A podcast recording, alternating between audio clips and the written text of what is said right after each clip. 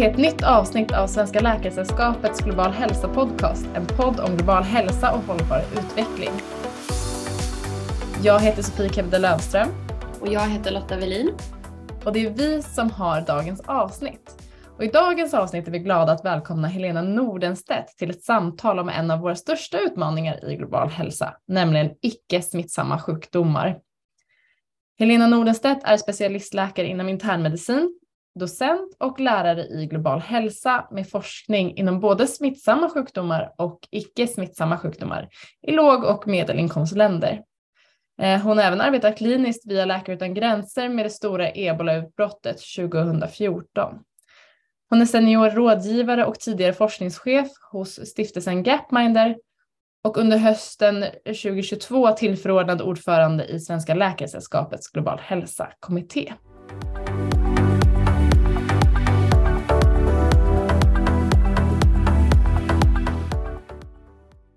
Hej och välkommen Helena, vad roligt att du vill komma och vara med i vårt avsnitt eh, denna vecka.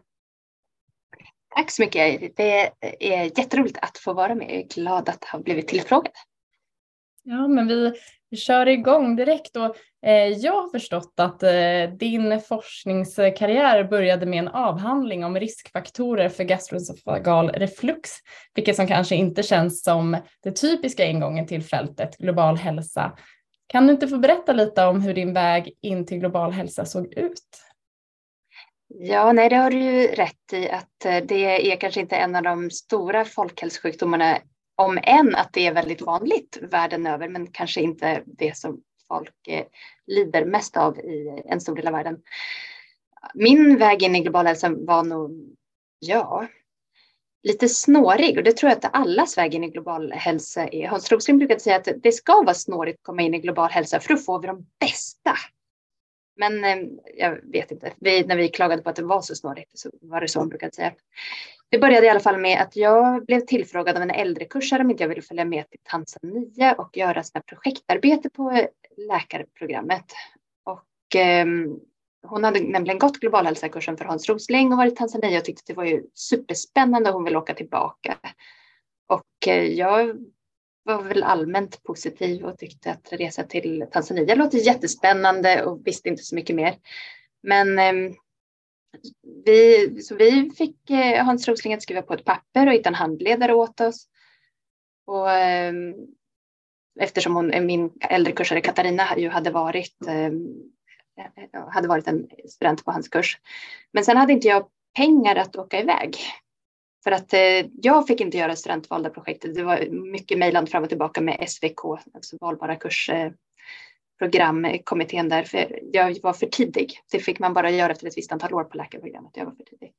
Min äldre kursare Katarina, hon var smart så hon tyckte att Helena, om du gör det här inom ramen för sådana här forskar eh, forskarskola, sommarforskarskola, då kan du få CSN och då kan du ändå åka med mig till, eh, till Tanzania, för jag vill inte åka själv. Så hon var ganska på.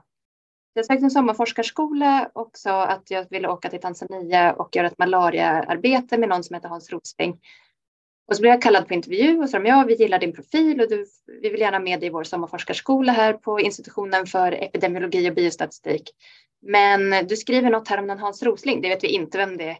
Och malaria håller vi inte på med, eh, men vi har ett jättebra projekt om halsbränna till dig.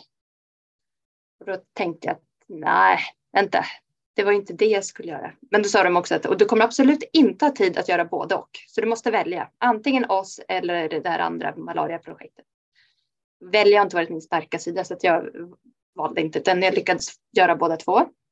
Så halva sommaren så lärde jag mig om halsbränna och eh, gjorde en sommarforskarskola på KI och halva sommaren var jag i Tanzania med min äldre kursare Katarina. Och, eh, vi var runt i 30 byar och var en del av ett större WHO-projekt där vi fick vara med och intervjua människor om deras syn på rektal administrering av malarialäkemedel. det var väl två väldigt stora kontraster och när jag kom hem så var jag helt uppfylld av att det var så spännande det här att vara i Tanzania, för 20 år sedan. Eh, och ville fortsätta men det fanns ingen naturlig fortsättning. Medan däremot halsbränneprojektet fanns det naturlig fortsättning på för det var också ganska roligt. Det var roligt att sitta och lära sig om epidemiologi och använda stora svenska register. Och det var en jättebra forskargrupp och en fantastisk handledare, Jesper Lagergren, som jag stortrivdes med. Vi gillade, vi funkade bra tillsammans. Så det ena ledde till det andra och helt plötsligt så hade jag disputerat på halsbränna. Men det var, det var inte planen, jag skulle bara åka till Tanzania en sommar. Och jag vågade aldrig berätta det för min, eh, min handledare Jesper förrän på disputationsmiddagen. Att, eh, ja, alltså, jag skulle egentligen, det var inte, det var inte halsbränna som jag skulle göra utan jag skulle, det var malaria, men det blev halsbränna. Och eh, så att på den vägen var det. Sen tänkte jag ett tag att jag skulle försöka byta över till global hälsa, för jag hade fortfarande lite svårt att släppa den där sommaren i Tanzania. Men det visade sig vara svårt, så att bestämde mig för nej, okej, okay, det är övre gastro som ska bli min lott här i världen. Jag, nu ska jag bli bra på övre gastro.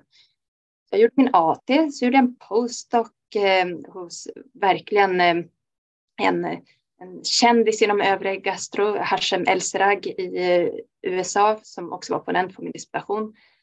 Eh, som är också en riktigt cool, inspirerande forskare.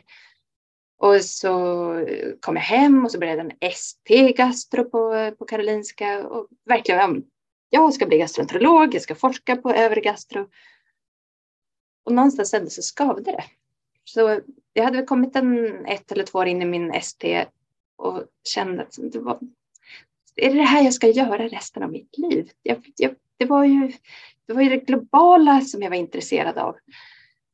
Så eh, där och då så fattade jag beslutet att jag måste åtminstone prova. Så jag tog tjänstledigt, eh, skickade in en ansökan till Läkare utan gränser, var ett år i Demokratiska republiken Kongo och jobbade för Läkare utan gränser på ett litet sjukhus. Läkare utan gränser, när jag eh, kom på intervju till dem, de bara ja, du skriver här att du i ända sedan tidigt på läkarprogrammet har drömt om att få jobba med Läkare utan gränser. Varför har du då valt en ST gastroenterologi? Det är inte det vanliga om man vill jobba med Läkare utan gränser. Det hade jag ju ingen bra svar på förstås, men eh, jag kom iväg och var då ett år på det här lilla sjukhuset i östra Kongo. Jag lärde mig otroligt mycket, såg jättemycket och hade jättebra och en del jättejobbiga lokala kollegor som lärde mig allt om malaria och mycket annat. Och ehm, sen, då var det lättare att byta forskningsspår efter det. Men jag fick börja om, får man nog ändå säga. Och eh, så har det tagit mig ett antal år att komma, komma tillbaka till den nivån som jag var på inom gastroforskningen, men nu inom global hälsa. Så, eh, så var det lång, eh, lång historia som jag nu inte gjorde kort. Eh, det finns väl ingen sensmoral i det, men man, man kan ju byta. Mm. Jättespännande att höra och eh, jag tycker att många sådana här historier man får höra i visar ju att vägen kan vara ganska snårig. Och det är roligt att höra att vägarna kan se så olika ut. Ehm, min nästa fråga är, vad betyder global hälsa för dig?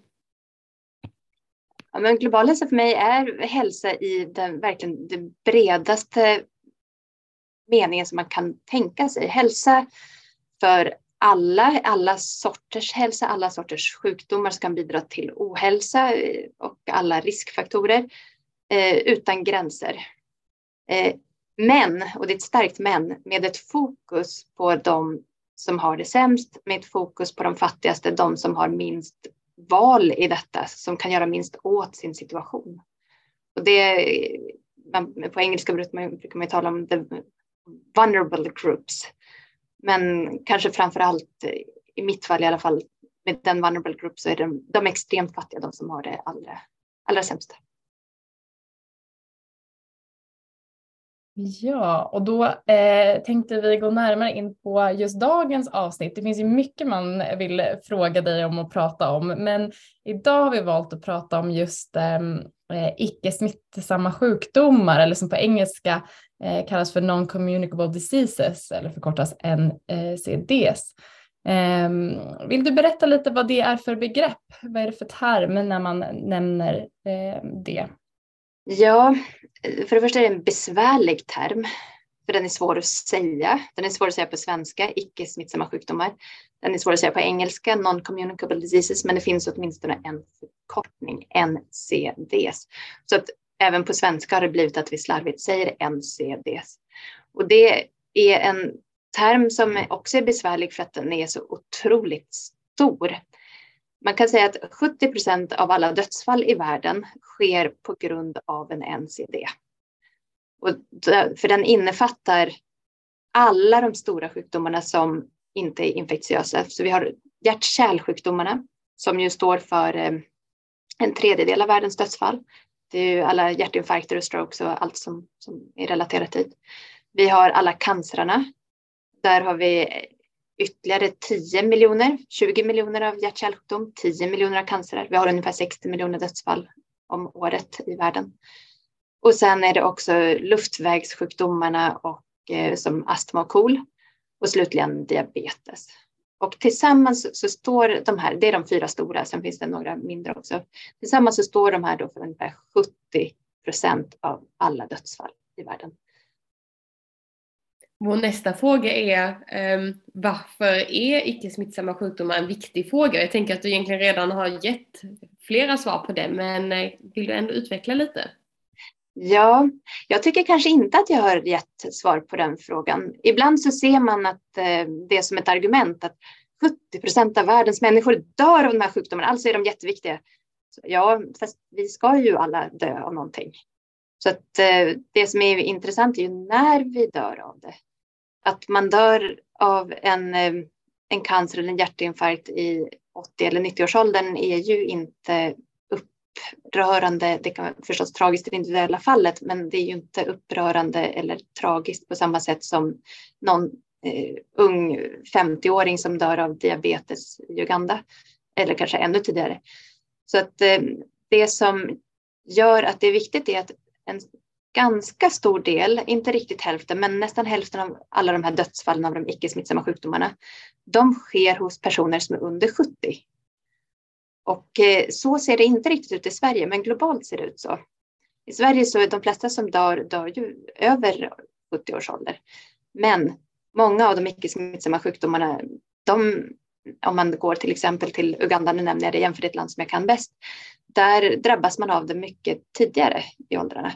Och drabbas man av en sån sjukdom som antingen kan leda till dödsfall eller eh, en kronisk funktionsnedsättning av något slag, så har man, då drabbar det ju en person som är den som kanske är brödvinnaren i hemmet som ska se till att kunna försörja familj, försörja barn. Och det drabbar hela familjen på, på ett sätt. Så med, I och med att befolkningen i världen blir äldre så kommer vi att se mycket mer av de icke smittsamma sjukdomarna framöver och också i de här i de yngre åldrarna. Och vi vet att vi kan göra någonting åt det. Så att därför, det finns den senaste årtiondena har det varit väldigt starkt fokus på infektionssjukdomar och barnhälsa inom den globala hälsan. Men nu börjar det komma sista tio åren så sakteliga mer fokus på icke smittsamma sjukdomar. För man förstår att det är något enormt som vi har framför oss i och med att vi får en åldrande befolkning världen över. Och eh, ett land som Uganda, för att ta det exemplet, har idag en miljon människor över 65 av 47 miljoner. Men i slutet av detta århundrade så beräknar FN att de kommer ha 23 miljoner över 65. Alltså fatta det. Vi pratar i Sverige om att vi kommer att få ha 30 procent fler äldre eller 50 procent fler äldre och förstår inte hur vi ska klara av det. Men de ska alltså ha 23 gånger fler äldre. Och de, ett, med ett sjukvårdssystem som inte klarar av att ta hand om detta idag. Och nu ska de ta hand om 23 gånger fler i slutet av århundradet. Hur, hur, hur, hur gör man? Det behövs väldigt många fler geriatriker, internmedicinare, eh, fysioterapeuter, arbetsterapeuter och många andra för att klara av detta. Så det, det är verkligen eh, that's where you should go om du vill vara säker på att ha ett jobb i framtiden. De icke smittsamma sjukdomarna och eh, både i Sverige och utanför Sverige. Mm, jätteintressant. Du nämner ju det här med den åldrande befolkningen men du nämnde även att eh, i många låg och medelinkomstländer så drabbas man av den här typen av sjukdomar i yngre åldrar eller kanske allvarliga konsekvenser av de här sjukdomarna i yngre åldrar. Eh, kan du förklara lite varför det är så? Ja, det har jag funderat mycket på. När jag jobbade i Kongo så eh, såg jag en patientgrupp som jag inte hade sett hemma alls när jag gjorde AT i Norrtälje. Så det var personer som kom in med jättehöga blodtryck. Alltså malign hypertoni, verkligen 220, 230, 240 systoliskt tryck. Och som var jättesvåra att få ner. De var, svarade inte på behandling, hur många olika sorters läkemedel man än hade. Vi hade inte så många, men det gick inte att få ner de här blodtrycken. Och eh, jag tänkte då att ja, men det måste vara något genetiskt. Det, det, är någonting som, det är något genetiskt som skiljer, skiljer de här patienterna åt mot de patienterna jag är van vid att se. Sen diskuterade jag med kollegor här hemma som var med på 60-70-talen, lite äldre kollegor. Och de sa att nej men precis så var det här hemma också. De här otroligt svårbehandlade blodtrycken. De, men de, vi har inte dem längre för vi behandlar i tid. Vi är ju jättesnabba och jätteduktiga på att behandla blodtryck och blodsocker i, i god tid i jämförelse med vare sig för 50 år sedan eller 30 år sedan. Och det gör skillnad. Ja, det är en intressant eh, iakttagelse och liksom, eh, eh ett exempel på just eh, relevansen kring det här fältet. Att när man behandlar en viss sak i en del av världen så gör det kanske att man inte har samma förståelse för den i en annan kontext då eh, utifrån var man själv kommer ifrån och hur man har utbildat sig och vilket sjukdomspanorama man är van vid, tänker jag. Exakt. Eh, men, det, eh, det, är väldigt bra, man blir lite ödmjuk när man inser det. Man, man drar någon snabb slutsats, det måste vara på det här sättet och sen bara nej, där hade jag fel. Just ja. det. det. det. är bra att drabbas av sådana lite då och då. Så man omvärderar. Ja precis och så får man insikt över vilka faktorer som faktiskt spelar roll som man bara har där i bakgrunden utan att reflektera över dem dagligen. Eh, Exakt. Ja, men eh, vi eh, undrar också lite just eh, global hälsa är ett brett område och NCD är ju också ett brett område. Eh, finns det några liksom, fokuspunkter eh, i hur man forskar eller hur du forskar kring just NCD? Vad man kanske tänker att man behöver prioritera inom det fältet och så? Ja, jag har inte kommit så långt i min forskning än, även om jag hade en doktorand som faktiskt disputerade på, på ämnet i fredags eh, Eh, på eh, hjärt-kärlsjukdom hos personer med HIV i Uganda. Men eh, det som det projektet har lärt mig och som jag funderar mycket på, det är vad ska vi göra åt den här, den här NCD-vågen som kommer att drabba länder som redan idag har, har svaga hälso och sjukvårdssystem. Och då om man då behöver skala upp 23 gånger då måste man ju bara fokusera på det absolut enklaste. Prevention, prevention, prevention och behandling, primär, primärprevention men också eh, sekundärprevention. Det allra enklaste. Blodtryck, diabetes. Blodtryck, blodtryck, blodtryck. Att börja behandla. Och det, mm, så det, det går jag att fundera på. Hur, hur ska man göra detta? Vad, hur kan det göras på bästa sätt? Och hur får man in det i ett i ett hälso och sjukvårdssystem som är svagt redan från början. Och egentligen det man vill ha, det är ju att ha ett, eh, ett system med vårdcentraler och primärvård som vi har i Sverige. Det är det som egentligen behövs. Så att man kan ta hand om, om de här sjukdomarna på ett. Så keep it simple. Ja. Eh, vi har ju pratat eh, om att detta är ett globalt problem. Trots det så tänker man kanske ofta på icke-smittsamma sjukdomar som ett välfärdsproblem eller välfärdssjukdomar. Hur ser det ut med icke-smittsamma sjukdomar i dagsläget i olika delar av världen? Ja, men det är ju tydligt att eh, ett land som Sverige och de flesta höginkomstländer, där är ungefär 90 procent av alla dödsfall, de eh, kommer från de icke-smittsamma sjukdomarna.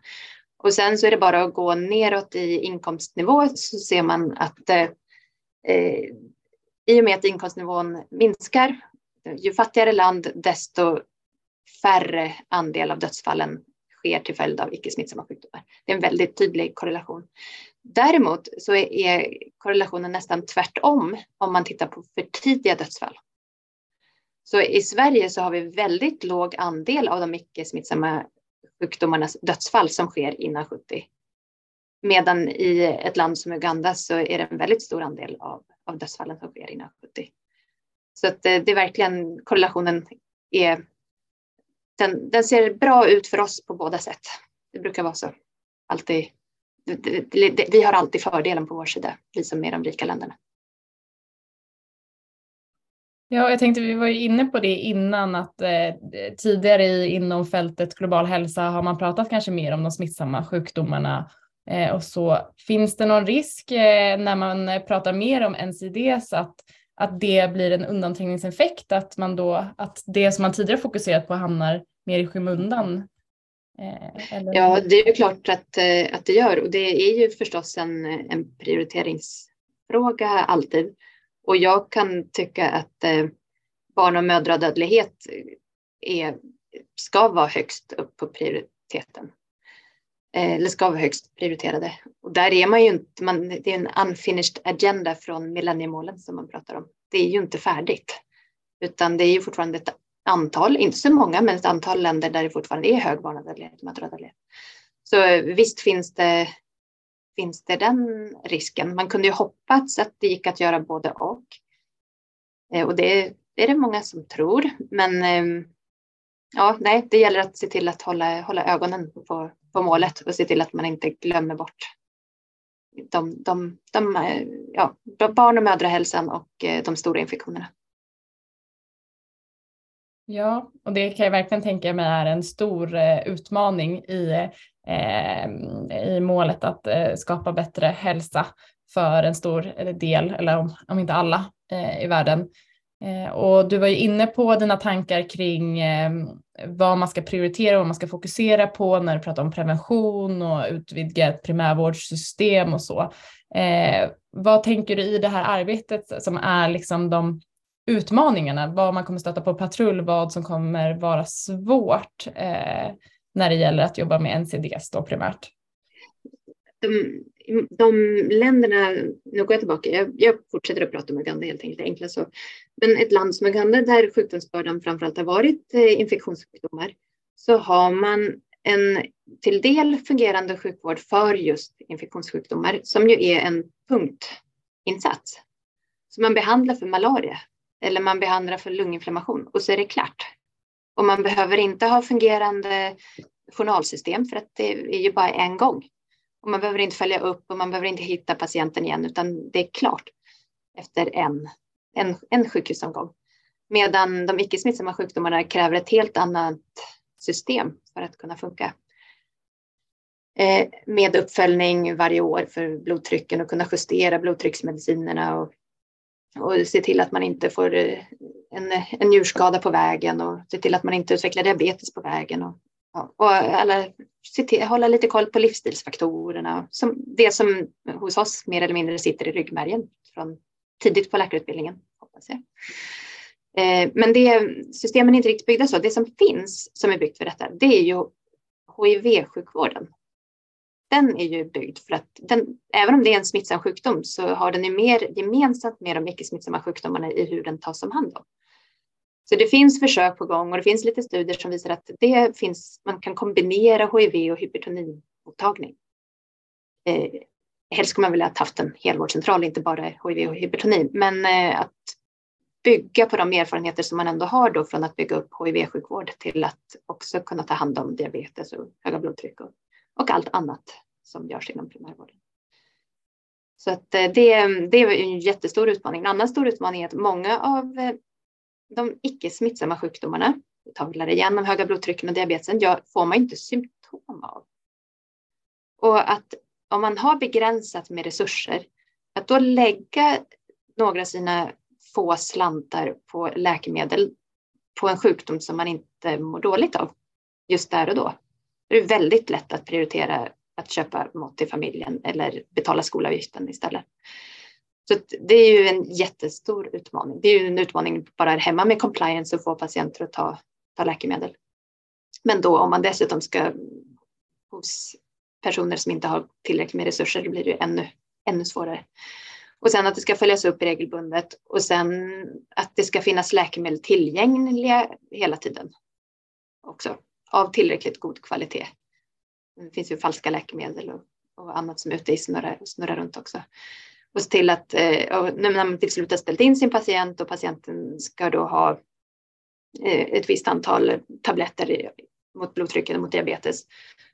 Och så har man ställt in det som, som vi ju gör här hemma och det kan ju ta några veckor innan man har fått ordning på saker och ting. Och så helt plötsligt så är de tabletterna slut och nu får man byta klass och gå över till något annat blodtrycksläkemedel. Bara för att det finns inte det som man började med. Och hur, ja, det är ytterligare en utmaning. Så att eh, logistiska och resurssvaghet och prioriteringar, det är många saker som, som är enorma utmaningar. Skulle jag säga. Så igen, fokusera på det enklaste för att det överhuvudtaget ska kunna gå att göra och dessutom skalas upp 23 gånger. Ja, det är verkligen stora utmaningar man tar sig an i, det här fältet. Eh, och jag tyckte det var jätteintressant och just eh, saker jag kanske inte har reflekterat så mycket över. Eh, just skillnaden mellan punktinsats och behov av uppföljning och, eh, och compliance vid eh, symptomlösa tillstånd. Ehm, det har jag nog inte tänkt på så mycket. Så det, men nu, ja, nu fick man en tankeställare. Eh, vi tänkte börja röra oss mot slutet av den här intervjun, men innan vi går in på lite trivsamma frågor så, så tänkte vi om du vill liksom, eh, ha något eh, sånt där take home message eller någonting du vill att man ska ta med sig extra när det handlar om eh, NCDs eh, och det här avsnittet. Ja, ja men jag inser att det var en sak jag glömde i början. Varför gör man ens varför försöker man ens lägga alla de här sjukdomarna i ett begrepp? När de är så olika. Diabetes och KOL. Och, och så hjärt-kärlsjukdomarna och så alla cancerna som ju har en mängd olika riskfaktorer. Men då eh, WHO, som är de som ligger bakom begreppet, tror jag, eller i alla fall använder det nu mycket. De pratar om de fyra stora sjukdomarna, så det är de här hjärt-kärl, cancer, luftvägssjukdomar och diabetes. Men de pratar också om fyra stora riskfaktorer. Så det som ändå legitimerar begreppet kan jag tycka är att det finns fyra stora riskfaktorer som är gemensamma. Och då är det, det är rökningen och det är alkoholen och det är kosten och det är eh, fysisk inaktivitet. Sen den femte riskfaktorn som man har lagt till lite sådär på slutet, det är mm, luftföroreningar också. Ohälsosam miljö. Så mm, det finns en poäng ändå med att ha dem tillsammans. Och om man då kan få olika, till exempel om man är en lobbygrupp eller en policy och vill eh, påverka policy, eh, politiker och beslutsfattare, om man då går ihop från olika sjukdomsgrupper, att eh, de som jobbar med lungcancer går ihop med kardiologerna för att bekämpa rökningen, då har man ju större chans än om man bara är, går från sin lilla sjukdomsgrupp. Så att det, det är väl möjligen en, den, den poäng som finns med att samla allt under ett begrepp. Då vill vi tacka dig så jättemycket Helena, jättespännande samtal.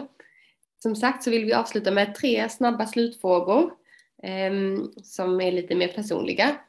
Och första frågan är, vilket är ditt starkaste minne från din global hälsa-karriär?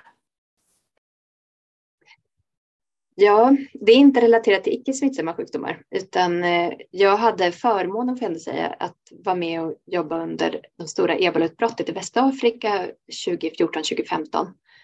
Och eh, 2014 så var jag i Liberia och hade en patient som kom in och var väldigt dålig och som, eh, som krampade. Och eh, då hade jag, vanligtvis hade jag lokala kollegor som hade sprungit in och, och försökt göra någonting, försöka hjälpa patienten. Eller springa och springa, man måste ju först sätta på sig all skyddsutrustning och så. Eh, men den här gången så vägrade de för det visade sig vara deras gamla lärare.